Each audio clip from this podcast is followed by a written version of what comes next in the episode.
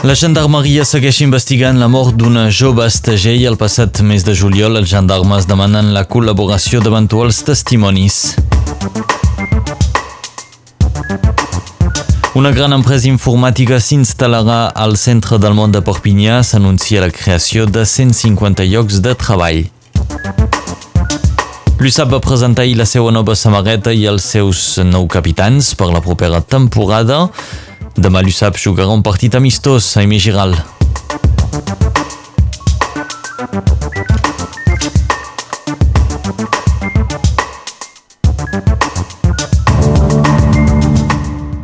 Al Barcarès, una vintena de persones han estat reallotjades aquesta nit després de l'incendi que va cremar en una residència durant la nit de dimarts a dimecres.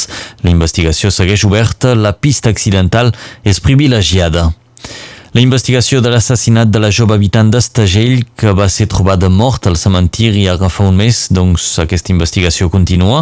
La gendarmeria fa ara una crida per intentar trobar testimonis que hagin vist la víctima la nit del 7 de juliol. La gendarmeria anima tota persona a transmetre fotos o vídeos de la festa dels bombers a la qual va assistir la víctima. El passat dimarts, els duaners de Perpinyà van trobar 320 cartons de tabac durant un control a l'autopista 9.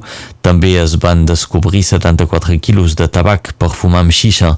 El valor total de la mercaderia ha estat calculat a uns 40.000 euros. El conductor, un home del GAR, ha estat detingut per la gendarmeria.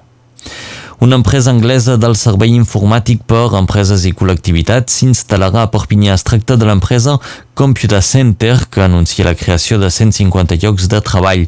La primera fase de reclutament es farà al setembre. L'empresa cerca personal per respondre per telèfon o internet per demandes d'assistència informàtica per les empreses. No es necessita cap experiència prèvia, ja que els candidats rebran una formació específica. Aquest, uh, aquest gegant de la informàtica tindrà els seus locals al centre del món, que trobarà finalment un poc d'activitat. Computer Center anuncia l'inici de l'activitat a Perpinyà d'aquí a finals d'any. A Politsi demà teniu previst viatjar des de l'aeroport de Barcelona. Un moviment de vaga posarà l'aeroport en servei mínim en diversos vols anul·lats. Els sindicats de personal de seguretat i de vigilància han anunciat una vaga de durada indefinida per reclamar millores salarials. Els treballadors votaran avui en assemblea la proposta que l'empresa ha fet arribar als treballadors, però tot sembla indicar que la vaga es mantindrà. La pressió que posen l'ANC i Òmnium sobre els partits independentistes per animar-los a trobar el camí de la Unió no sembla tenir efecte. Joan Tardà, d'Esquerra Republicana, va criticar la presa de posició de l'ANC dient que s'estava equivocant actuant com a contrapoder i abandonant el seu ADN aglutinador de l'independentisme. La decisió de l'Assemblea de no convidar els representants polítics a la zona VIP de la manifestació de l'11 de setembre ha provocat un rebuig de part de representants polítics. Ahir Elisenda Paluzzi, presidenta de l'ANC, va insistir que l'essència de l'Assemblea és condicionar l'agenda política mitjançant la pressió als partits si no fan coses coherents per la independència. I el president espanyol en funcions, Pedro Sánchez, ha tancat la porta a reunir-se amb Esquerra Republicana i en Junts per Catalunya de cara a la seva investidura. El candidat socialista ha deixat les negociacions amb els partits independentistes en mans de la portaveu del partit Adriana Lastra, com ja va fer abans de la investidura fallida. I Sánchez ha explicat que es reuniran només amb els tres grans partits espanyols, com són Podem, el PP i Ciutadans.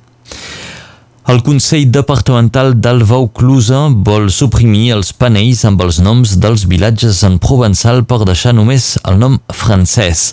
Ahir les viles i vilatges del Vauclusa van rebre correus enviats per la col·lectivitat reclamant que es treguin tots els panells que acompanyen la retolació del nom del vilatge en francès. Per tant, el panell en llengua occitana és també directament concernit per aquesta mesura. Diversos balles del departament ja fa mesos que lluiten per mantenir la senyalització en occità des del col·lectiu Provençó que defensa la identitat provençal, doncs han escrit al president del Consell Departamental del Vaucluse li han recordat que el Tribunal Administratiu de Montpellier l'any 2012 va autoritzar la senyalització en llengua occitana a Vilanova de Magalona a l'Erau. L'USAP es prepara per afrontar demà Montalbán en partit amistós a Emigiral. Per aquest partit, l'USAP lluirà una nova samarreta realitzada per la marca Adidas. La samarreta local és simple, de color blau cel, només amb algunes franges blanques a l'espatlla. La samarreta exterior torna a lluir els colors sang i or amb unes franges horitzontals. A notar també que l'USAP tindrà nou capità, es tracta de Mathieu Aceves. El segon capità serà Lucas Bachelier. Les entrades pel partit USAP Montalbán setmana estan a la venda al preu únic de 10 euros. L'entrada imigiral serà gratuïta pels menors de 12 anys.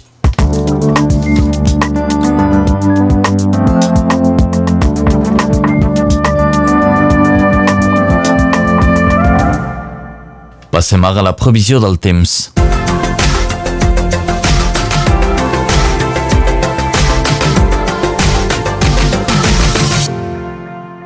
Hauríem de tenir un cel serrer tret d'alguns núvols a la tarda. La marinada és feble, només uns 10 km per hora. Tot i així, algunes ràfegues a la costa. A la platja de les Elmes a Banyuls l'aigua és a 24 graus, l'humitat a 61%. Les màximes d'avui, 33 a Arles, 30 a Calça, Pontellà i a l'esquerda, 26 a Palau del Vidre, 29 a Glorianes, 25 a Orellà i 29 a Port Epimorent. En 1932, el 8 d'agost, va fer 37 graus a la plana del Rosselló. El sol es pondrà a les 9 del vespre, el crepúscul serà a les 9 i 21 minuts.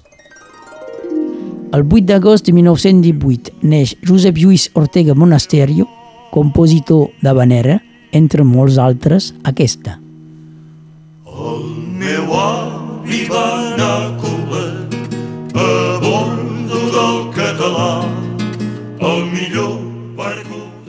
Avui és Sant Domènec. Visca Catalunya,